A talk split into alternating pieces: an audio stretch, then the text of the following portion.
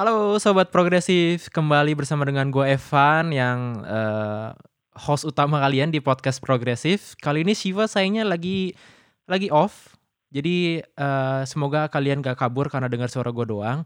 Supaya gak kabur, uh, episode podcast progresif ini kali ini membahas tentang ilmu sosial dan akan ditemani oleh teman kita dari negara uh, kanguru dari Sydney Australia sama PhD candidate uh, Rabia Al Adawiyah. Halo Rabia.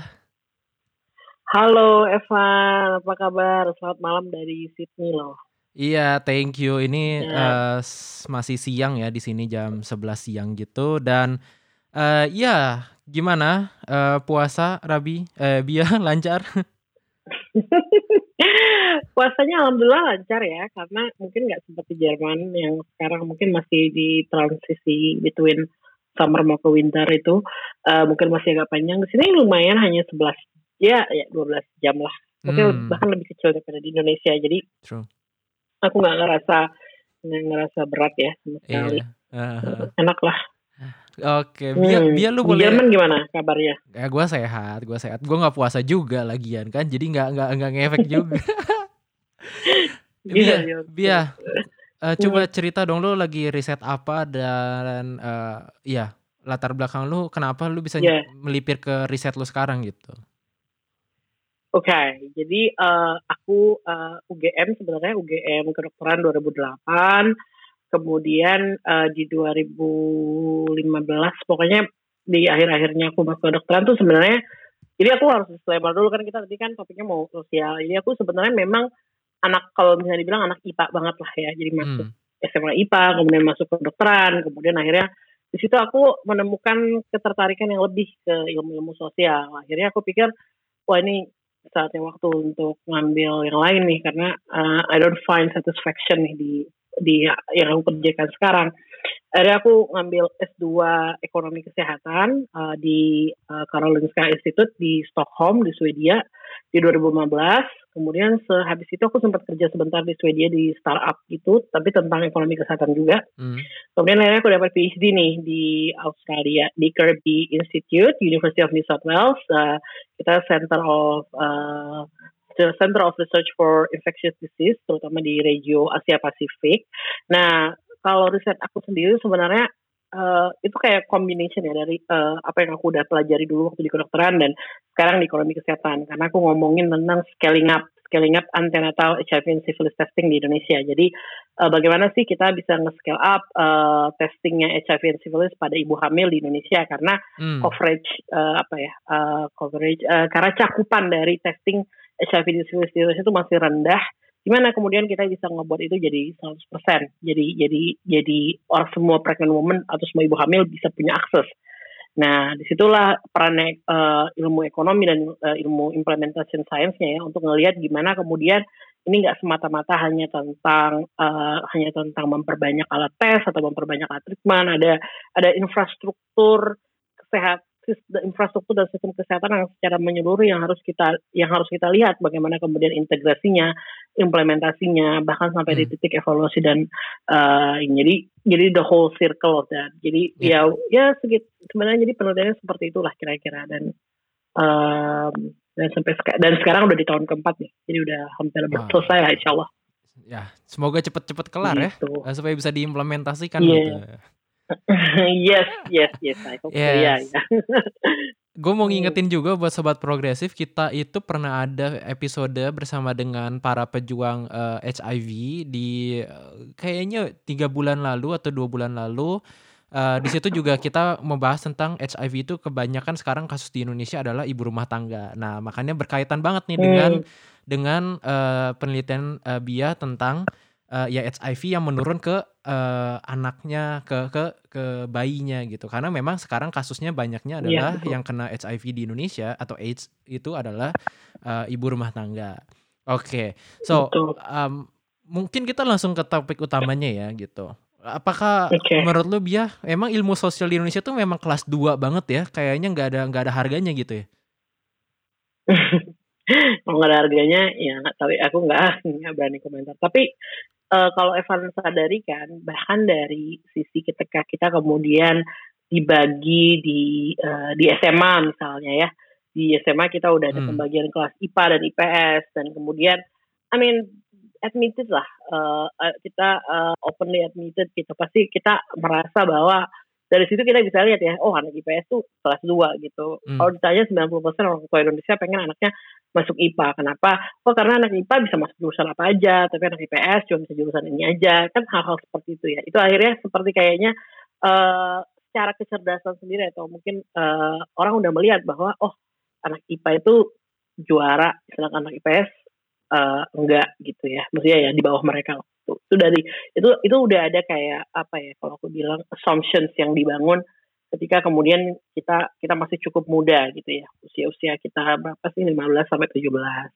Nah, kemudian uh, masuk kemudian ketika kita uh, di perkuliahan atau apa pun ya di perkuliahan tentunya teman-teman teknik, teman-teman kedokteran, farmasi uh, uh, itu cenderung juga secara apa juga jauh lebih tinggi kan dalam artian apa sih kalau istilahnya gitu tuh uh, nilai nilai masuk ya kayak sih nilai threshold masuk itu kalau mau yeah. UMPTN atau apa kan hmm. mereka jauh lebih tinggi juga itu udah setelah masuk kerja gitu ya kalau misalnya uh, Evan lihat misalnya LPDP atau beasiswa beasiswa ya beasiswa seperti LPDP yang jelas mengikuti arahan nasional ya hmm. fokusnya juga kembali ke STEM kan STEM semuanya harus science technology uh, engineering and math kan jadi jadi ada ada ada arahan juga gitu. Ada arahan dari ada arahan dari uh, pemberi beasiswa, pemberi resources bahwa kita mau teman-teman kita mau fokus di di di STEM gitulah.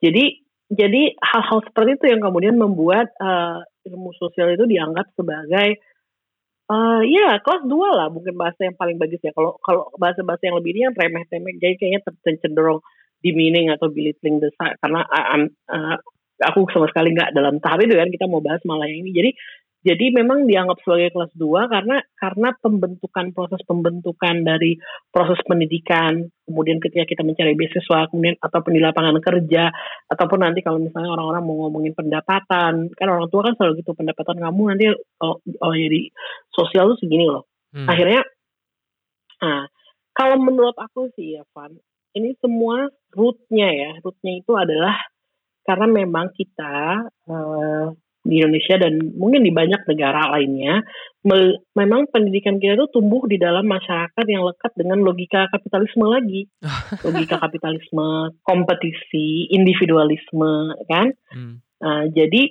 dalam dalam masyarakat yang seperti itu, uh, akhirnya kita itu melihat jurusan atau melihat apa tuh melihat dari oke okay, uh, kita coba hitung berapa pendapatan. Pendapatan hmm. kamu kalau udah mau lulus what is your income net? Gitu kan. Nah, nah itu yang kamu kejar. Jadi kalau computer science oh itu berarti yang kamu harus ikutin.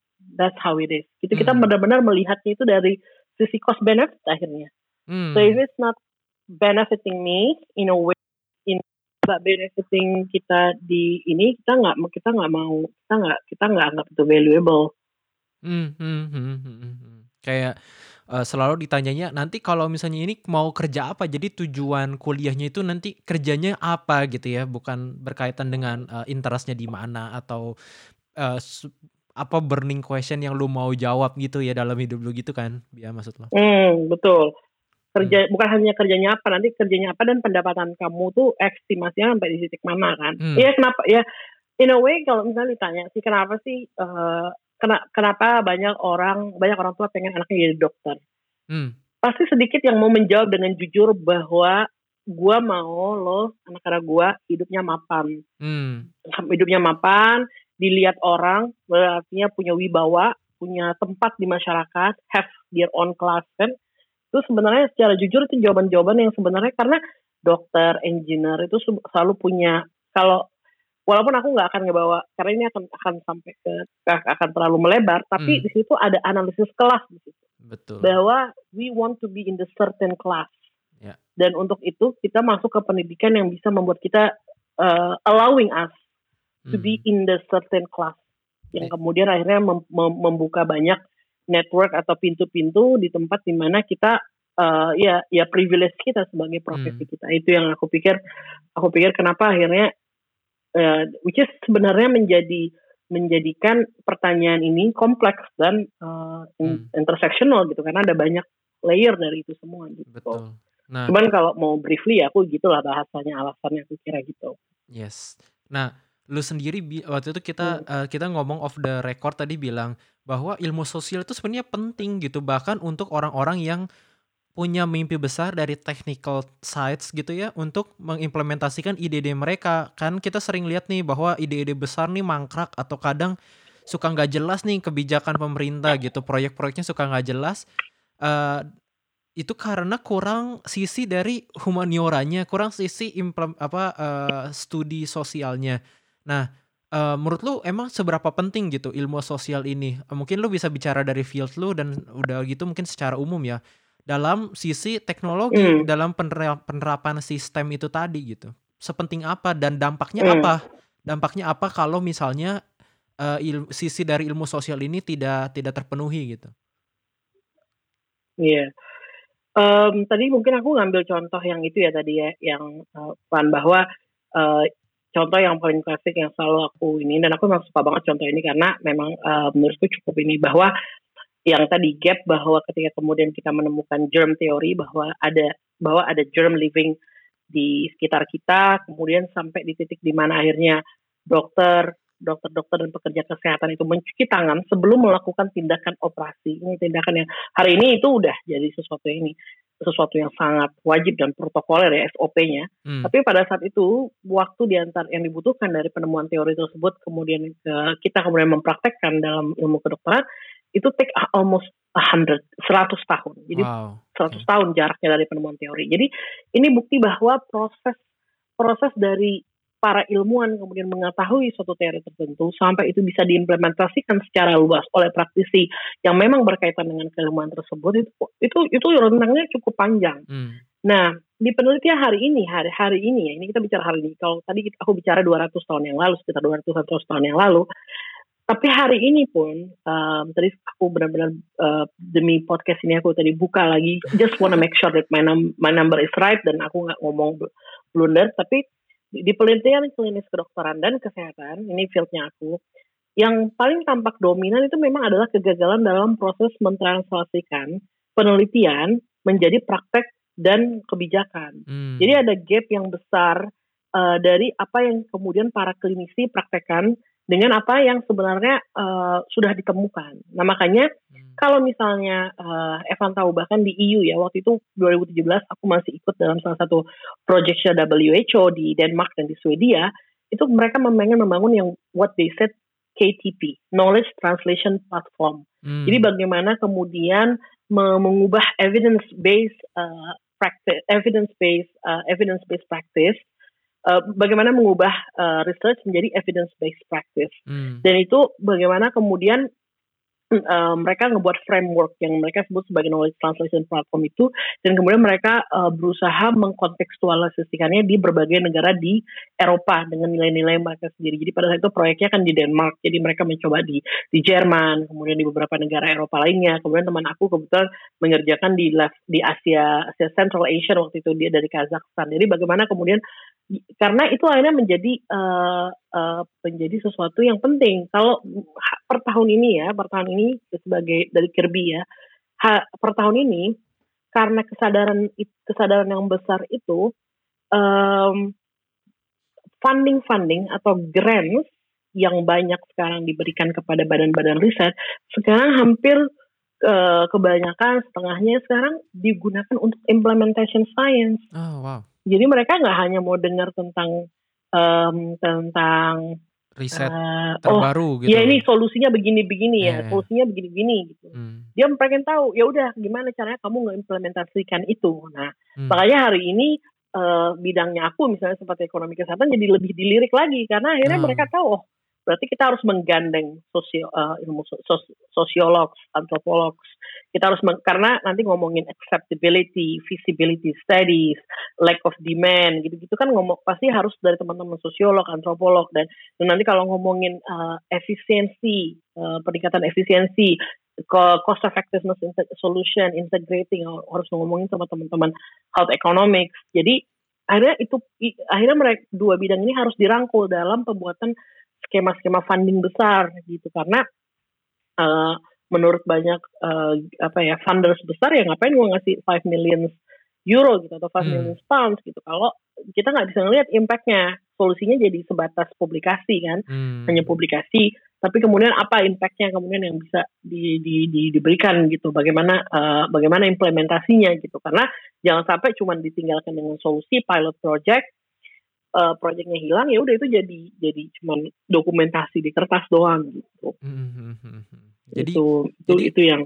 Hmm. Berarti efek pentingnya kalau gue boleh simpulin kalau misalnya uh, sisi sisi sosial ini ini tidak tidak ter tertuang gitu dalam hasil riset atau hasil publikasi itu akhirnya percuma aja untuk ke masyarakatnya gitu implementasinya jadinya ya udah e, ngambang aja gitu ya Iya, jadi misalnya gini contohnya tadi kan uh, tadi oh aku kasih contoh yang memang langsung mungkin dari hasil studi itu ya berarti ya, Fan, bahwa misalnya kalau kita atau ya ini ya tadi aku udah cerita bahwa Bill Melinda Gates Foundation atau USAID atau banyak proyek-proyek lain itu kan selalu berbicara tentang scaling up. Baik itu yang terkenal mungkin scaling upnya malaria uh, malaria treatment habis itu ada scaling upnya tentunya HIV retro anti retroviralnya itu kan kita pengen treatmentnya tuh uh, achieving everyone jadi reach out to everyone uh, uh, universal ART treatment for everyone yes. tetapi kemudian ketika kita itu kan tidak tidak semata-mata hanya misalnya oh kita punya 1,4 juta uh, penderita uh, people living with HIV. Ya udah kita punya 1,4 juta obat nih. Hmm. Gimana atau 1,4 juta obat kita punya 1,4 juta obat kita kita kasih deh sama mereka semua. Hmm. Nah, kemudian ketika ketika kita cuma berbicara di, di level di level bagaimana obatnya, kemudian di level menyediakan obatnya, kita lupa bahwa ketika kita membuat ketika kita memberikan obat yang pertama kita harus punya orang yang mempreskripsi obatnya hmm. kita harus punya orang yang memastikan supply dari obatnya hmm. memastikan obatnya bekerja artinya dia tidak expired in the good conditions habis itu kemudian uh, selain itu siapa yang berhak untuk mendispensingnya juga akan mendispensingnya. Memastikan bagaimana kemudian um, uh, kalau misalnya ada side effect atau apa gimana ini. Pemberian pemberian ERT itu biasanya juga harus diikuti dengan uh, tes di call CD4, CD4 test ya kalau dia apa untuk melihat level CD4 bagaimana level imunitas dari yang menerima ERT hmm. di HIV. Nah, tes tes tes CD4 itu nggak nggak hanya ada di nggak nggak nggak ada di semua tempat karena hmm. ini cukup kompleks nggak ada di puskesmas biasanya harus ke rumah sakit. Lalu gimana referral sistemnya gitu. Hmm. Dengan BPJS gimana misalnya kalau kamu di puskesmas A tapi di puskesmas A kebetulan tidak ada hub yang yang di dekat daerah kamu dan kemudian ada rumah sakit uh, yang bisa CD4 test di mana kemudian kamu harus referralnya apakah kamu harus kembali ke puskesmas awal di mana kamu tinggal, apakah kamu harus dipindahkan secara menyeluruh ke puskesmas di daerah rumah sakit supaya linkage service-nya ada. Hmm. Dan hal-hal seperti itu kan. Nah, kalau ketika kita tidak memahami ini semua, akhirnya kita uh, belum lagi kalau ngomongin ini ini aku baru ngomongin sistem ya, sistem kemudian ini belum lagi kalau ngomongin demand. Gimana kalau orangnya karena hmm. terstigma dia nggak mau uh, yes. di puskesmas tempat dia tinggal, karena dia nggak mau ketemu so. orang. Dia maunya di puskesmas yang lain, gimana dia nggak nggak kenal siapa pun. Hmm. Itu ngomongin stigma. Gimana kalau misalnya uh, dia uh, uh, ada dalam pernikahan, ibu hmm. rumah tangga tapi dia nggak mau suaminya tahu karena nanti dia bisa dikeluarkan dari rumah. Nah ini kan gimana servis. Jadi hal-hal seperti itu nggak semata-mata. Jadi uh, ini yang mungkin aku akan tambahkan sedikit bahwa ketika kita ngomongin STEM ya uh, mungkin Evan tahu kalau kita ngomongin STEM orang orang-orang yang dibesarkan dalam pendidikan berbasis STEM dan IPA gitu kita kita dibesarkan dalam sebuah uh, sebuah school of thought of positivism yang sangat kuat.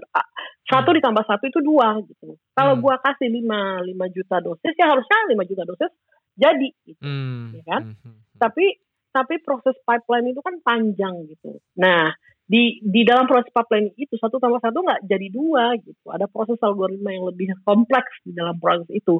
Dan dalam proses melihat dalam melihat algoritma tersebut itu nggak nggak bisa hanya melihatnya dari school of thought positivism kita hmm. bakal gagal nah itu yang yang yang yang yang yang yang aku lihat ya uh, apa akhirnya dampaknya ketika kita kemudian mengesampingkan pentingnya inklusivitas uh, disiplin dalam pembuatan kebijakan dan pengimplementasian kebijakan. Alright, wow, ini Gitu. apa jawabannya komprehensif banget dan mencakup banyak hal gitu ya.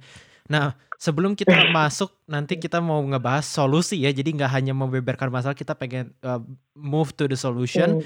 Gue pengen apa ngajak kita agak agak ringan dikit gitu ya. Gue gue punya game kecil nih kayak uh, biar kayak um, I have a question. Jadi gini, kalau lu Heeh. ya biaya dikasih sebuah billboard ya billboard di tiga lokasi ini gue bakal sebutin tiga lokasi Eh, selama seminggu penuh gue yang gua yang bayarin nih gue yang bayarin. Terus eh, lu bakal naruh apa? Bebas. Lu mau ngasih tulisan gambar film apa pun bebas gitu ya. Gue bayarin semua listrik listriknya gue bayarin. Nah eh, lu bakal Wih. naruh apa ya gitu ya? Nah lokasi pertama nih di depan ini UGM lu bakal naruh apa tuh Depan di billboard UGM, depan UGM gila. ya kan? Apa nih kira-kira? Quick aja gitu Eh, oh mungkin eh, kalau depan UGM mungkin ini kali ya. Em, please read more books than your field gitu kan. maksud jadi maksudnya baca lebih banyak buku yang di luar bidang lu juga gitu maksud lebih ya atau gimana Iya iya kayak Ah. gitu. Iya. Jadi read more books than ya. Well you can ya kan. Jadi ya read more books ya. Mungkin itu Ah. kalau di UGM kali ya. menarik menarik um, the next location is di depan Sydney Opera House nih kan um, jadi ini Hmm. beda beda beda audience nih kira-kira apa nih lu mau naruh apa di situ Wah, kalau di depan City Opera House mungkin aku pikir em, aku akan bilang apa ya? Oh, kalau di City Opera House mungkin, aduh, ini aku pikir gini kali ya. Eh, eh, if you don't feel to wake up today, just sleep another hour. Just just just sleep more. Does it make sense? ah oke oke oke jadi jadi apa ya supaya enggak supaya lebih chill gitu ya warga Australia warga Sydney ya mak- maksud lo atau gimana iya iya iya iya di Sydney ya Sydney. Iya. Iya. Aku rasa Sydney udah agak-agak kayak New York gitu soalnya. Oh, udah terlalu oh, udah the, the city oke. that never sleeps also ya, gitu ya. Bukan cuma New York doang. Iya iya betul. Ah, oke oke. Iya, walaupun belum selevel lah. New York kan kayak the highest standard lah. True. Standard of craziness. Yes. And the last uh, and the last one and the best one actually di depan istana presiden. Lu mau naruh apa? Lu mau naruh apa di depan istananya presiden? Aduh, depan istana presiden tuh ya. Iya. Itu mungkin aku akan naruh eh apa ya kalau di depan istana. Eh ini presiden Indonesia ya, Presiden Jokowi maksudnya. Iya iya ya, aku ya Presiden Jokowi. Eh warga miskin, warga bapak juga kan. I feel like, I feel like that's so so sweet. Oke. Ah.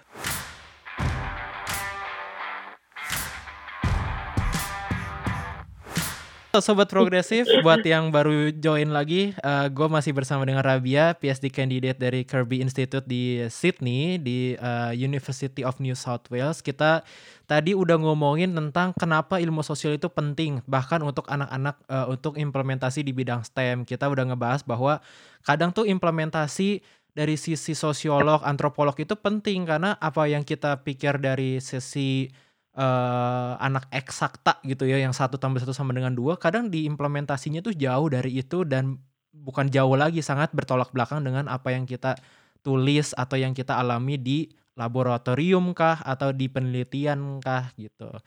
Nah sekarang gue bakal nanyain lebih ke posisi yang kayak ilmu sosial eh ilmu sosial yang lebih ke solusinya gini. Nah em Bia Hmm. menurut lo how gitu. Gimana kita supaya uh, bikin ilmu-ilmu sosial ini nggak dipandang sebelah mata lagi gitu. Uh, karena kita udah melihat gitu betapa pentingnya. Ter- uh, terlebih lagi ketika Oke. kita lagi in the middle of pandemics kayak gini kan bahwa uh, ya gitu uh, beli vaksin aja nggak cukup. Tapi kan bagaimana uh, misalnya contohnya distribusi dan segala macam. Jadi uh, penting gitu semua ilmu di dalam uh, krisis atau di dalam uh, implementasi. Jadi gimana nih cara menurut lo cara pan- caranya supaya ilmu sosial nggak dipandang uh, sebelah mata? Hmm. Gue jawab ala ala PhD student. Kalau PhD student jawab biasanya nggak nggak nggak nggak ada jawaban karena kita nyarinya masalah nggak jawaban. Tapi gini Iya deh. iya. Eh, yang pertama itu cara pandang kita melihat ilmu pengetahuan ya, uh, Hmm. ilmu pengetahuan si uh, Evan. Jadi uh, first is breaking the silo gitu. Satu pesan ketika aku pertama kali baca uh, PhD adalah tadi yang aku tadi mau pesan di UGM tadi. Di sebenarnya pesan itu adalah satu read more books Hmm. and even more books than outside of your of your field. Jadi Hmm. breaking karena kita ini kan uh, ini ini sebenarnya gara-gara gara-gara dunia kita yang cukup kapitalis. Akhirnya ilmu-ilmu kita tuh sangat terspesialisasi. We are very specialized these days. Hmm. Very specific, very deep into our specialized. Karena dan akhirnya kita tuh kayaknya uh, punya silo gitu. Satu orang sama satu yang lain. Padahal I think everyone, you, data, aku tahu kamu data scientist, data, data privacy uh, expert, Hmm. kemudian aku mungkin more medical health scientist or even physicist atau uh, anthropologist. Kita semua tuh uh, sebenarnya sama in terms of we were driven by question, isn't it? We were driven by question. Why Hmm. Why we keep pushing itu kan karena kita uh, driven by question. I drive, drive by question. Everyone drive by questions. Dan sekarang hari ini karena aku misalnya sudah uh, artinya aku udah uh, dari bidang kesehatan kemudian dari bidang ekonomi ini kita uh, uh, uh, me- metodologi atau disiplin it doesn't matter anymore. The matter is Hmm. there is a question. Wow. Ini ada questions ini. What is the best way we approach that? Hmm. Or bahkan kalau misalnya apa, mungkin kita bisa jawab pertanyaan ini dengan tiga perspektif. And we Wow. we celebrate all the answers gitu ya dengan cara ini. Yang yang karena intinya sains itu lagi dan lagi fung- fungsinya semua scientist, whether they are social scientists or whatever physicists or chemists or anyone, is just pushing the boundaries of knowledge. If you Hmm. use the same methodology that like a 200 years Hmm. been used gitu, it will be really hard to push the boundaries karena sebenarnya idenya gimana sih perkembangan ilmu pengetahuan itu bisa berkembang when we challenge the knowledge, when when we challenge the thesis, Hmm. when we challenge the arguments yang udah mungkin uh, teori yang udah uh, ada berpuluh-puluh tahun lamanya kita challenge Yes. how we challenge it with a new perspective, a new methods. Kalau kamu ingat uh, um, siapa sih yang hari ini dapat eh kemarin dapat uh, Nobel di bidang ekonomi, Uh, Nobel di bidang ekonomi suami istri, Uh, uh, kayaknya Esther Banerjee ya kalau nggak salah. Beliau itu adalah ekonom, tapi dia menggunakan kenapa kenapa revolusioner yang dia temukan? Karena dia menggunakan metodologi yang spesifik pada bidang kedokteran which is RCT atau randomized control trial Hmm. usually dominated by clinical clinical uh, clinical research. Mhm. ketika kita mau drugs vaksin kita tuh pakai RCT jadi randomized control trial. Trial yang dalam dalam situasi yang sangat terkontrol di randomize untuk memastikan generalizability. Jadi makanya namanya terkenal RCT kalau evidence based medicine nomor satu gold standarnya pasti RCT randomized control trial Hmm. Nah, beliau menggunakan metodologi si Esther Banerjee dan suaminya ini menggunakan metodologi RCT kemudian untuk melihat isu poverty yang Wow. kemudian dilakukan eksperimennya di, sosi- di, di masyarakat. Hmm. Jadi, oh kita pakai RCT nih, kita coba nge-randomize uh, ngekontrol- nge- dalam dunia yang terkontrol, ngelihat isu poverty ini. Itu kan uh, Hmm. revolusioner, revolusioner karena karena apa? Karena dia memak- memakai metodologi dari ilmu lain Hmm. kemudian untuk memecahkan isu yang udah lama dipecahkan sama banyak ekonom dengan teori-teori ekonomi ah gila basi lah mau pakai teori ekonomi lagi nggak ada pushing the boundaries nih Hmm. let me try to borrow another methods from another discipline and dissect this using this methodologies dan Hmm. akhirnya well they got they, they got Nobel kan Nobel di bidang ekonomi Wow, ya. ya. Eh, kemudian kalau dan eh, siapa sih Daniel Kahneman ya eh, yang yang terkenal banget pasti thinking eh, slow thinking fast gitu ya, fast thinking and slow Hmm. dia juga ad- akhirnya menggunakan metode atau eh, atau metode psikologi psikologi kan psychological behavior kemudian diterapkan ke ekonomi Hmm, hmm, hmm. akhirnya dia men-challenge sebuah teori behavior menggunakan psikologi behavioral uh, ilmu psikologi behavioral di challenge untuk menjawab pertanyaan tentang behavioral economics ya tentang pertanyaan ekonomi yang sekarang melahirkan bidang baru yang cukup sangat terkenal baik itu di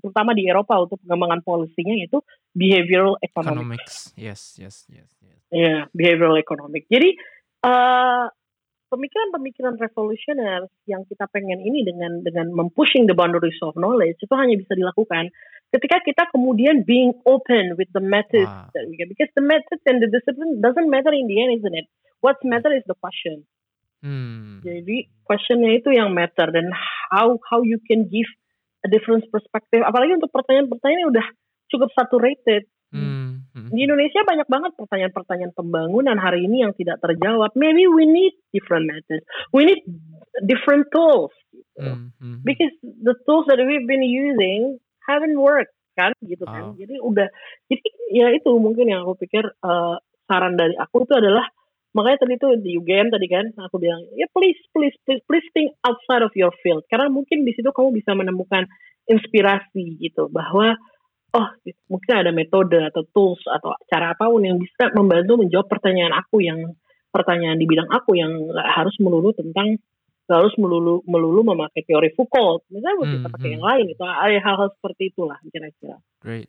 gitu Great. Jadi ya kalau gua nangkap ya, em, berarti lu pengen eh, caranya adalah dengan mempush bahwa it doesn't matter anymore dari, background mana pun, tapi kita harus mencoba Hmm. men- mem- apa menjawab pertanyaan yang sama yang sekarang itu bahkan eh, perlu eh, apa ya? Karena jadi satu sisi spesialisasi itu eh, not very good karena semua orang terlalu specialized, tapi di sisi lain juga very good karena Hmm. kalau para orang specialized ini bergabung menjawab pertanyaan yang sama bahkan mungkin bisa lebih cepat dan ketemu sol apa uh, problem solvingnya lebih cepat gitu ya kalau gua nangkep.